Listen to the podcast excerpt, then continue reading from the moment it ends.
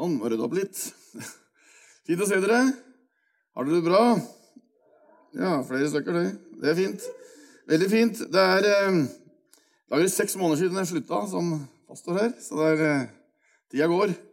Eh, mange måter synes det er veldig lenge siden, på andre måter synes det er ganske kort siden. Men eh, tida går, og det er, eh, kjenner veldig at der jeg er nå, med misjonen på fulltid, så er det veldig riktig for meg nå.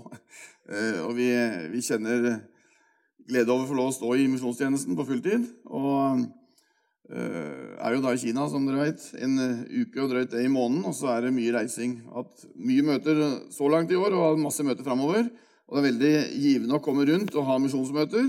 Eh, både på Sørlandet og Vestlandet og skal til England i mars og ha en, være med på en konferanse der. Det blir veldig spennende. Eh, skal ha tre møter. Ett møte om Japan, ett om Kina og ett om Nord-Korea. Så det blir spennende. Så jeg er glad for den muligheten. Og eh, nå til fredag reiser vi ut igjen med en gjeng. Rolf her blant annet skal være med. Han har begynt treninga. Han går tur med ryggsekk eh, for å trene, trene muskulaturen. Så det er bra. Så jeg er glad for alle som er med og, og bærer Guds ord inn til Kina. Det er eh, kolossale behov. I fjor så halverte myndighetene kvoten på hva de får lov å trykke inn i Kina. Det betyr at det er enda mer behov for å bære dem inn. Så, sånn er det. Derfor står vi på etter, etter beste evne fortsatt med det, og jeg kjenner at det er givende.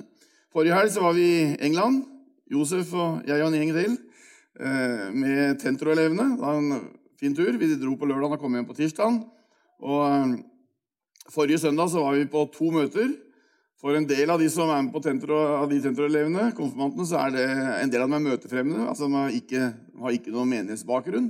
Så det var nok kanskje i overkant for noen av dem.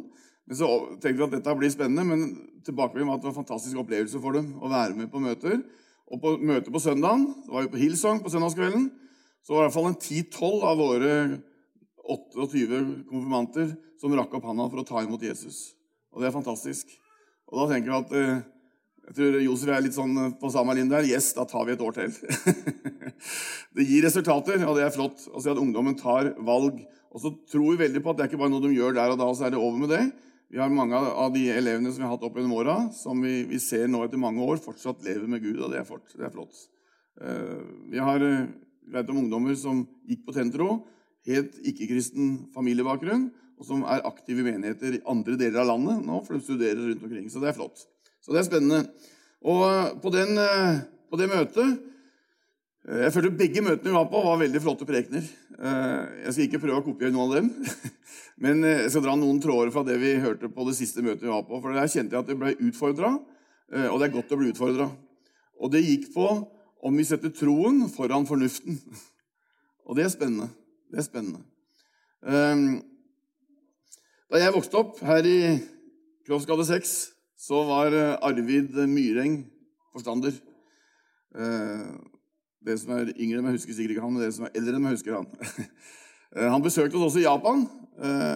Når vi bodde der og tjenesten var der ute, så kom Arvid og besøkte, og vi hadde noen fine samtaler sammen. Arvid var veldig, han syntes det var veldig stas å komme ut og se oss i aksjon. Visstnok da jeg var fire-fem år, et eller annet, så har jeg sagt til Arvid Han var veldig mye hjemme hos oss. Så sa jeg onkel Arvid, når jeg blir stor, skal jeg bli sånn som deg. Og det fikk jeg høre mye om. da. Så, men vi, vi samtalte mye, og han sa noe veldig, som har festa seg, som jeg har huska i alle disse år. Ikke så mye annet av det han sa på den turen jeg husker, men han sa til meg da Vidar, sa han, den, den største motstanderen jeg har hatt i tjenesten min Han var da gammel mann og har tjent Gud gjennom hele sitt liv. Og sa, Den største motstanderen jeg har hatt i tjenesten min, det er ikke djevelen. Det er kjødet. Det er meg sjøl. Eh, meg sjøl, mine tanker og min fornuft. Sånn. Det har vært den største motstanderen i tjenesten. Utfordringene å møte. Og det er en veldig spennende tanke, egentlig. Eh, jeg har lyst til å dele noe av det som, litt av begynnelsen av det som, som, vi hørte på forrige søndag i London. Han tok utgangspunkt i historien om David og Goliat. Og Det har på en måte blitt sånn en søndagsskolehistorie for oss. Vi har hørt om David og Goliat og, og, og slynge alt dette her. Men det er veldig mye spennende stoff i den historien. Eh, David var ikke bare en dum liten gutt som var litt overmodig, men han var en ung gutt som hadde opplevd at Gud var der i hverdagen. Og Gud var med gjennom alt. Og Dette har på en måte kverna rundt i huet på meg hele uka, så jeg tenker at det hadde jeg lyst til å dele også med dere i dag. Det er et langt bibelavsnitt som har med denne historien om David og Goliat 1. Samuel kapittel 17, fra vers 8 til 47. Jeg skal ikke lese alt det. Det kan dere lese siden, for det tar litt lang tid. Jeg skal ta noen utdrag av den teksten. Så der, finner dere altså i 1. Mosebok 17. Så kan dere lese hele historien når vi kommer hjem. Um, Goliat stilte seg opp og ropte til Israels hær. Hvorfor drar dere ut og fylker dere til strid? Er ikke jeg en filister og dere Sauls treller? Velg ut en mann og la han komme ned til meg. Saul, eh, Goliat var en kjempe. Han var ute etter å ta israelfolket. Og da israelittene så filisterne og så Goliat, så blei de redde. God gammeldags redde. Og det står i vers 11.: Da Saul og alle israelitterne hørte hva filisteren sa, mistet de motet og ble veldig redde. Og når motstanderen reiser seg, så er det kanskje førsteresponsen for oss at vi blir redde. Vi møter noe som er større enn oss, som vi ikke har vært utsatt for før, og så kommer frykten. Og så går denne historien, og den varer over ganske lang tid. Det var ikke bare en dag at dette skjedde. Det, står at Goliat han kom ut morgen og kveld, kom filisteren Goliat fram. I 40 dager bød han seg fram til strid. I 40 dager. Det var ikke bare en sånn liten kort historie på jordet, her, men hver dag i 40 dager stilte Goliat seg fram med all sin makt og velde, med hele filisterhæren bak seg, og yppa til krig. Og sa, 'Dere små gresshopper, dere er jo bare elendige. Sauls treller. Dere er jo ikke verdt noe.' Og skremte vannet av det. Det var en veldig trussel. Han skremte vannet av israelittene. De var livredde for denne kjempen. Han håna dem, og ikke bare det. Han håna deres Gud. Han latterliggjorde troen deres. Er det ikke noen av dere har vært utsatt for det? Kanskje har aldri troen vår blitt så latterliggjort som i 2019 av mange. Det, det, skrikes og det ropes fra alle hold, og det henges ut. Og, og, og, det settes spørsmålstegn ved alt det vi tror på. Jeg vet ikke om noen så Dagsrevyen i går. Forholdsvis brukbart, men det er alltid noen stikk inn. Vi er veldig ekstremister. Nå er det søknad om kristne skoler i Drammen. Og ene sida er veldig imot det, andre sida sier vår nye ordførerkandidat at jeg er eh, positiv på én måte, men jeg ønsker ingen ekstreme kristne eller muslimer inn. Vi er utsatt. Vi møter motstand, og så kan vi oppleve at frykten tar oss. Og Her står altså Saul og folket, og de mister motet. Og Vi kan stå overfor utfordringer hvor vi mister motet, og vi kan miste eh, altså vi står overfor utfordringer i livet vårt, i tjenesten vår og i troslivet vårt, som gjør at utfordringen ser så svær ut at vi mister motet. Fordi vi tenker at dette går jo ikke an. Dette kan, vi, kan umulig fungere. Da Jesus kommer til Betania så spør han etter Lasarus. Han visste jo han var død. Søstrene gråt i fortvilelse. 'Jesus, du kommer for seint.' Og Jesus, som visste alt, visste selvfølgelig hvor Lasarus lå hen. Men han sa, 'Hvor har dere lagt ham?' Vis meg hvor dere har lagt ham. Så måtte disse som sto rundt, ta et trosskritt og følge Jesus dit han var. Menneskesett fornuftmessig så var dette helt umulig.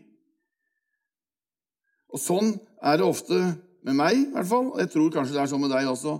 At når vi står overfor utfordringer i vårt trosliv, i vårt daglige virke, så slår fornuften veldig raskt inn og sier 'Dette går ikke'.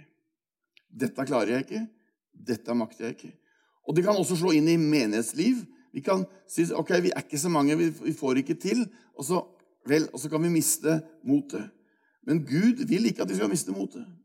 For det står at Gud ga oss ikke motløshetsånd, men kraft, kjærlighets- og sindighetsånd. Og jeg har stått foran mange episoder i min tjeneste og vår tjeneste hvor vi har kunnet miste motet over, hvor, hvor vi har kjent på Nytter det mer?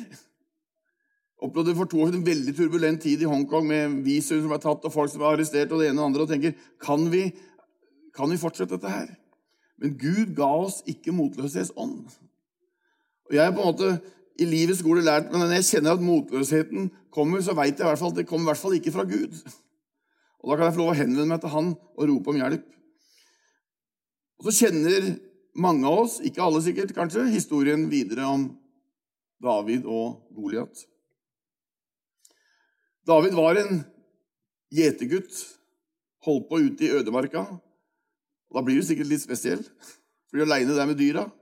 Har ikke så mange andre å snakke med. Men han gikk av sted, for faren ba han å gå og levere noe mat til brødrene sine. Og Så kommer David, og står at han sprang fram til fylkningen der alle samla. Han fant brødrene sine, og så hilste han på dem. står det. Og mens han sto og snakket med dem, kom tvekjemperen, filisteren Goliat fra Gat. Opp fra filisternes fylke holdt den vanlige talen sin, så David hørte på. Alle israelittene flyktet for Goliat straks de fikk se ham. De var meget redde. Frykten igjen. David kom som den lille gjetergutten, egentlig, yngste blant en brødreflokk. Og de så i hvert fall ned på broren sin. Er du driver med her? Og Når du leser historien, så begynte David å spørre rundt hva er det som skjer. Han fikk høre at den som klarte å ta knekken på Goliat, den skulle få det ene og det andre. Og så får han kjeft av brødrene sine, for han driver og bryr seg. Og så sier han får jeg ikke lov til å snakke med folk heller nå. Får jeg ikke lov til noe? Så sier David, 'Jeg skal ta han. Jeg skal ta han.' Det ble snart kjent hva David hadde sagt, og Saul fikk også høre det. Han sendte bud etter ham, og David sa til Saul, 'Ingen må miste motet.' Der står altså hele Israelfolket, hele hæren, står der, så kommer denne gjetergutten og sier ingen må miste motet. Din tjener skal gå og kjempe med denne filisteren. Men Saul svarte, du kan ikke gå imot filisteren og kjempe med ham. Du er jo bare gutt, unggutten. Han har vært kriger fra ungdommen av. Så begynte David å argumentere. Og sier han, og David han la til, Herren som har berget meg fra løve og bjørn, han skal også berge meg fra denne filisteren. David hadde erfaring med Gud Han hadde vært i ødemarka, hadde kjempa mot motstandere som en guttunge ikke skulle klare å kjempe. Han tok livet av bjørn og løver. Han hadde opplevd at Gud ga han krefter han ikke visste han hadde. Han hadde opplevd at Gud bevarte den når han sto i fare. Og vi kjenner historien videre. Vi kan lese den videre. Du kan tenke deg denne kjempen står der, så kommer denne unggutten gående. Han hadde fått uh, militæruniforma til Saul, men den var altfor diger, så han bare heiv den av seg. Kommer der i sine gjeterklær. Og da Goliat ser ham foran seg, fikk han øye på David, men enset han ikke. David var jo bare unggutten, rødkinnet og vakker å se til. Tror du jeg er en hund, siden du kommer, meg, kommer mot meg med kjepper? ropte filisteren til David. Og han forbannet David ved sin Gud. Kom hit til meg, sa han, så skal jeg gi kjøttet ditt til fuglene under himmelen og dyrene på marken. Nok til å skjelve i buksa, etter min mening. Men så svarer David, 'Du kommer mot meg med sverd og lanse og kastespyd.' Så kommer det fantastiske, Så gjør David annerledes enn alle de andre. Det står, 'Men jeg kommer mot deg i navnet til Herren, allhærs Gud.' Han som er Gud for Israels fylkinger, han som du hånet. Men jeg kommer mot deg i navnet til Herren. Der ligger hele hemmeligheten. Han kommer i Herrens navn. Han kommer med den kraft og den styrke som Herren gir. Ikke med spyd og ikke med sverd. Og Han fortsetter videre, og alt dette folket som er samlet, skal skjønne at det er ikke med sverd og spyd Herren gir seier. Det er Herren som rår for krigen, og han vil gi dere i vår makt. Folket skal skjønne at det er ikke med sverd og spyd Herren gir seier. Det står at vi har ikke en kamp mot kjøtt og blod. Vår kamp er en troskamp. Vår kamp er en bønnekamp. Og vi får lov å gå i striden i Herrens navn. Menneskesett var utfordringen enorm. David var en pusling. Men David hadde noe å kjempe med som Goliat ikke hadde. Herren, jeg kommer i Herrens navn. Og vi aldri glemme det når utfordringer møter oss, at vi har en med oss. En som sa 'Jeg er med dere alle dager'. For livet byr på utfordringer, og iblant er kjempen svær. Iblant er den litt mindre, men vi møter utfordringer i livet. Og så er det snakk om skal troen på en Gud som er allmektig, være det som driver oss, eller skal fornuften vår hindre oss og begrense oss? Alle så at David ikke kunne slå denne mannen. Det var ikke bare filistrerne, men alle brødrene hans, alle israelittene, visste at denne guttungen hadde ikke sjans. Fornuften sa dette kan ikke gå. Men Davids tro på en gud overvant fornuften. David så også at han var liten i forhold, men han hadde en tro på en stor gud. Det tror jeg noe vi trenger i 2019 deres, er en tro på en stor gud. En tro på en gud som fører sin sak gjennom til seier. Det er ikke vår kamp, det er hans kamp. De skal skjønne at det ikke er med sverd og spyd Herren gir seier. Vi skal ikke ut i en fysisk kamp. Vi skal få lov å be igjennom. Vi hørte mye om det før da jeg var yngre. Vi snakka om å be seg gjennom. Jeg tror det er der fortsatt hemmeligheten ligger til seier og framgang i Guds rike. At vi ber oss igjennom. Og bønn kanskje det vanskeligste feltet vi har i vårt trosliv og Guds liv. Bønnemøter er det dårligst besøkte i bedehus og kirker over hele landet. Store deler av vår del av verden er det absolutt dårligst besøkte. Hvorfor det? Det krever noe av oss. Det krever at vi stiller oss fram og kjemper. Det er ingen lettvint seier. Fornuften sier så lett at det går ikke, men troen sier det går. Derfor er det så viktig at det er troen som driver oss, og ikke fornuften vår. At vi tør å kaste oss ut på troens vinger og få oppleve at troen på en allmektig Gud den bærer igjennom det som er vanskelig. Da vi bodde i Sri Lanka, så var jeg veldig sjuk lenge. Og hadde ikke mer enn akkurat blitt frisk, så møtte vi tørketid. Regntida skulle begynne, og regnet kom ikke. Og vi hadde tre måneder av det skulle være regntid hvor det var knusktørt og kokvarmt, og vi hadde ikke vann. Vi klarte å få ei lita bøtte med vann hver eneste morgen i brønnen. Klarte å sope opp litt vann. Det var det vi hadde. Og vi dusja med kopper. Og Det var ikke så veldig stort for store kropper. for å si det sant. Det var, og det var det vi hadde til å drikke. Og til å dusje med var ei lita bøtte, en skvalp i ei bøtte hver eneste morgen. Og så kjente jeg og vi at dette ble tøffere og tøffere. Og du får nesten panikk. For det er ingen steder å gjemme seg. Og når det er mangel på vann, så blir det mangel på strøm. Så vi hadde jo ikke strøm heller, annet enn litt i nettene. Og når det er 40 varmegrader og ikke viftene går, så er det ganske hett og heftig. Og så kommer tanken dette klarer vi ikke. Kanskje vi må gi opp. Jeg husker jeg ringte hjem til Ståle, som var kassereren vår da, og sa du må be menigheten å be for oss, for dette, dette er for voldsomt. Vi klarer ikke heten. Vi klarer ikke tørken. Og Det var en av de få gangene jeg klarte å ringe hjem til Norge, for det var dårlige forbindelser. Og Den natta fikk jeg et ord fra 5. Mosebok 28,12. Herren skal åpne for deg sitt velfylte forrådskammer, himmelen, og gi landet regn i rette tid, og velsigne alt du gjør med dine hender. Ganske konkret. Vi brukte hendene våre i tjenesten. Vi jobba på trykkeriet for å produsere bibler. Men så opplevde vi dette klarer vi ikke lenger pga. tørken. Og så kommer fornuften inn sier dette går jo ikke. Men så kommer Gud med sitt ord, og så opplever vi at troen øker. At troen overvinner fornuften. Og vi tenker vi skal jo være her. Gud har satt oss her. Og så husker jeg Ståle ringte mandagen etter utpå dagen. Eh, jeg satt inne på et kontor på trykkeriet i Sri Lanka og han ringte, Jeg hadde vinduet opp, og Ståle ringte og sa jeg ringte bare for å høre om. Og så ble det stilt, for det plaska ned ute. Han hørte det på telefonen at det regna. Fornuften vår slår inn og kan hindre oss i tjeneste. Men Gud vil at vi skal gå i tro, at vi ikke skal glemme trosaspektet. Da vi en stund etterpå fikk kall om å reise til Japan, så kommer fornuften også inn. Vi har nye misjonærer så vidt, i bransjen. Vi har vært ute i to år. Det tar tid å bygge opp en giverkrets, og vi hadde ganske lite inntekt egentlig de første par åra. Og så skal vi flytte til verdens dyreste land, Japan, og vi hadde ikke penger. Det vi hadde, var gjeld. Vi hadde hus i Norge som vi hadde solgt. vi ikke hadde fått dekka ut. Alt vi hadde, var gjeld. Vi hadde jo ikke penger til å reise til verdens dyreste land. Så kjente vi etter å ha bedt at Gud kalte oss til å reise. Vi skulle dra.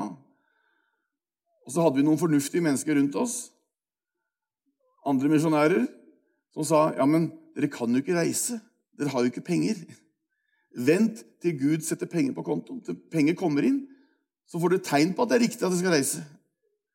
Men det er ikke så mye med tro å gjøre det, da, når vi ser at kontoen er full. Men da slo igjen fornuften inn. Ja, kanskje det er riktig. Så kjente vi nei, vi må tørre å ta et skritt ut i tro. Og det øyeblikket vi tok et skritt i tro, så kom også midlene inn, så reiste vi til Japan. Fornuften holdt på å seire over troen.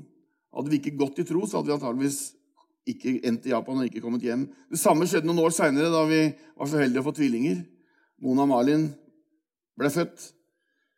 Og før hun var født, så fikk vi velmenende brev fra Norge. Nå er det vel på tide å komme hjem.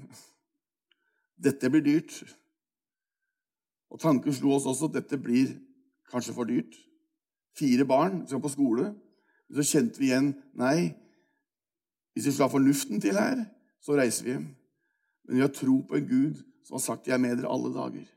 Som har lovt å forsørge oss, som har lovt å være der i alle livets situasjoner. Og så opplevde vi også der at vi fikk lov å gå i tro, og så opplevde vi der også at det kom inn det vi trengte. Når vi ser på omstendighetene våre, så har fornuften så lett for å slå til. Når vi ser på motstand som møter oss, så slår fornuften til. Men Gud ønsker at vi skal ta et skritt ut i tro. Og det gjelder i hverdagen vår òg. Det er ikke bare i tjenester ute, det gjelder i hverdagen vår. At vi tør å la troen gå foran fornuften. At ikke fornuften stopper oss i tjenesten. Vi er satt i denne verden, vi er satt i denne byen, vi er satt i dette området for å være med å bringe evangeliet om Jesus videre. Og så reiser motstanderen seg. Og så blir det voldsomt. Men så får vi lov å gå i tro. Vi har opplevd det så mange ganger ute i Kina, hvor vi har sett at motstanderen har reist seg.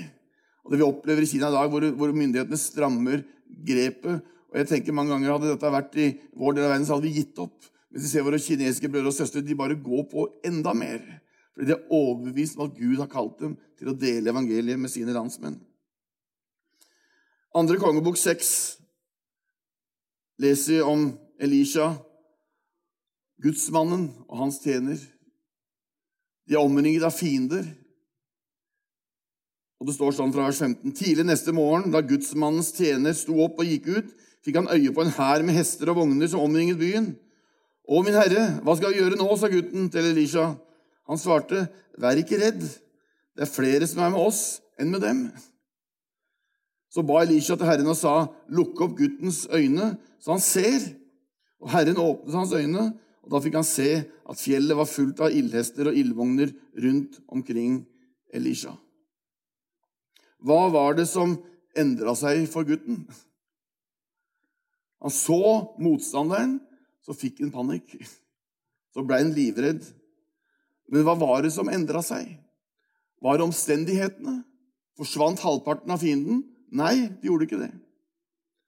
Hva var det som endra seg? Det var guttens syn. Han så ting annerledes. Hvorfor det? Det var en gudsmann som ba for gutten. Herre, åpne hans øyne så han ser. Og så så han at det var flere med oss enn den som er med dem. Dere, vi er på seierslaget. Og kanskje trenger vi i enda større grad å be for hverandre. Når vi står i utfordringer, i prøvelser, være med å be for hverandre. Det er ikke alltid omstendighetene endrer seg, men synet forandra seg. Han så noe han ikke hadde sett før. Og Det er er spennende når vi får lov å leve et trosliv sammen med Gud. Så hender det at synet vårt endrer seg, og så ser vi Vi er jo sannelig på seierslaget.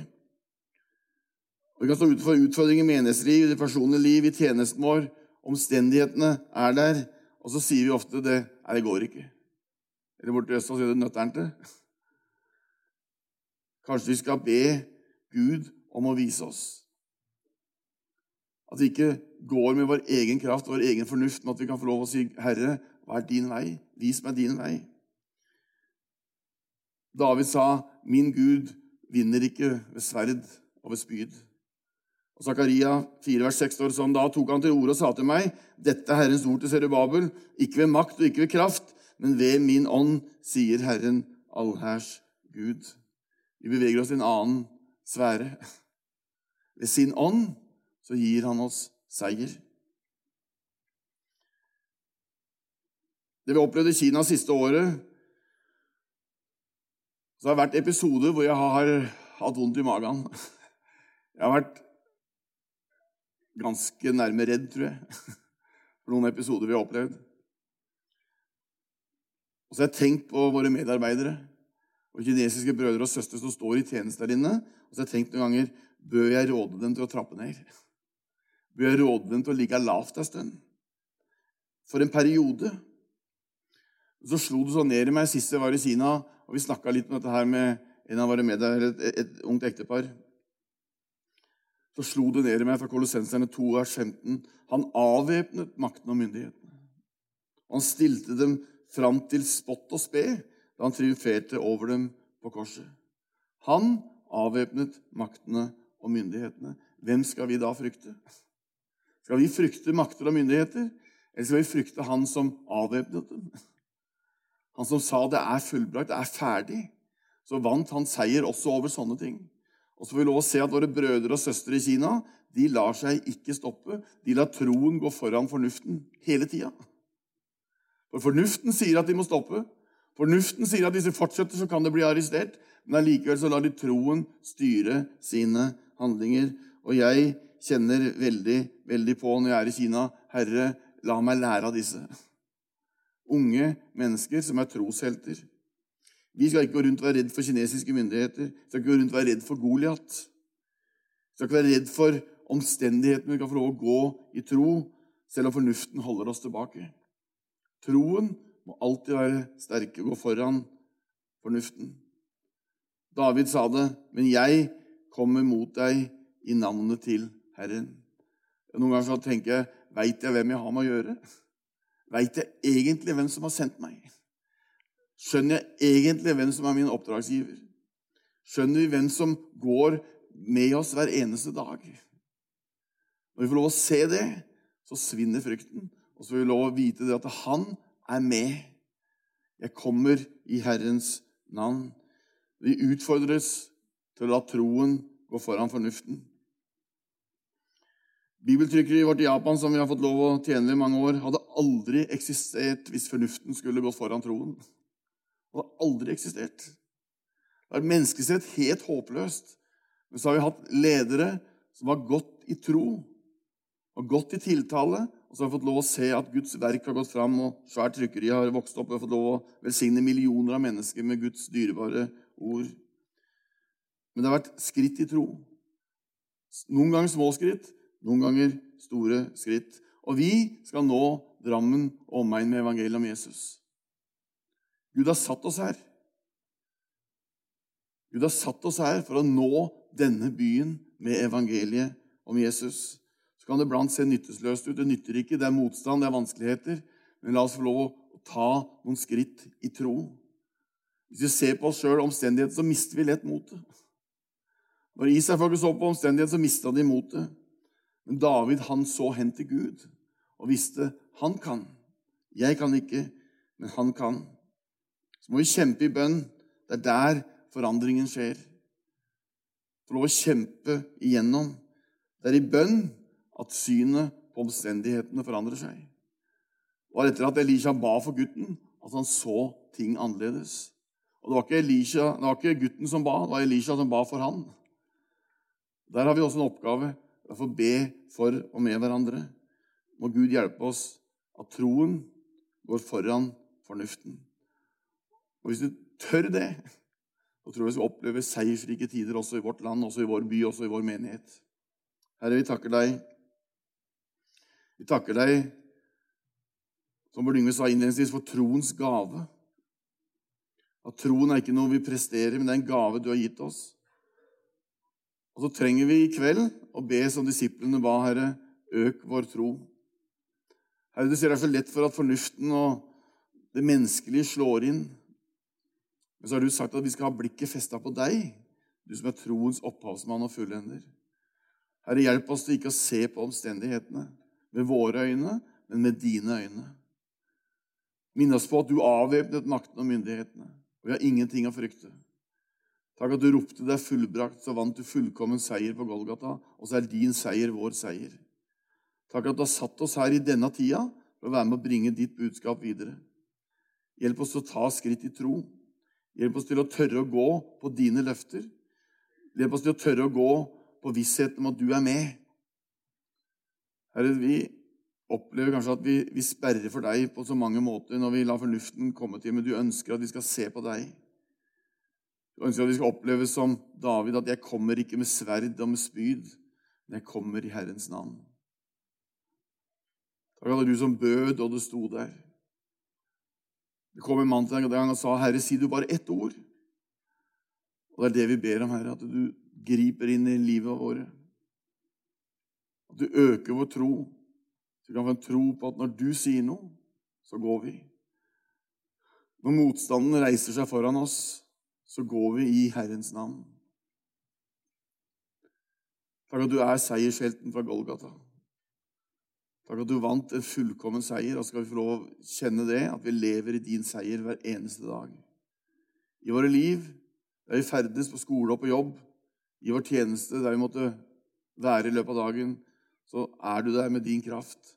Og så ber vi om å hjelpe oss til ikke se på omstendighetene med våre øyne, men med dine. Det ber vi om i Jesu navn. Amen.